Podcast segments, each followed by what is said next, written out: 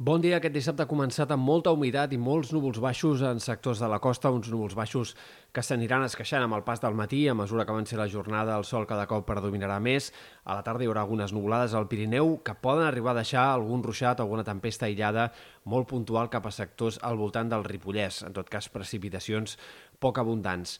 A la resta, com dèiem, cap de setmana bàsicament predominat pel sol, amb una situació marítima força tranquil·la després de la mala mar d'aquest dijous.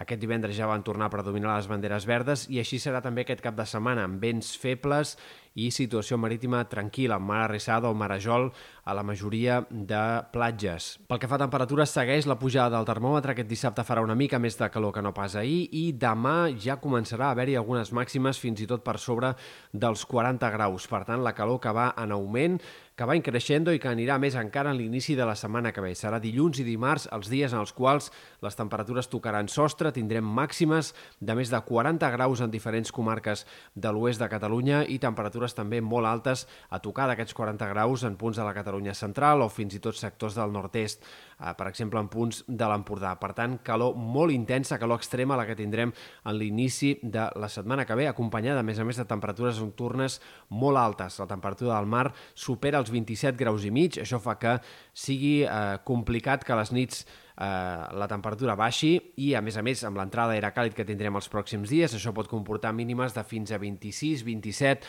o 28 graus fins i tot en alguns punts de la costa i, per tant, les nits de més mal dormir d'aquest estiu fins ara.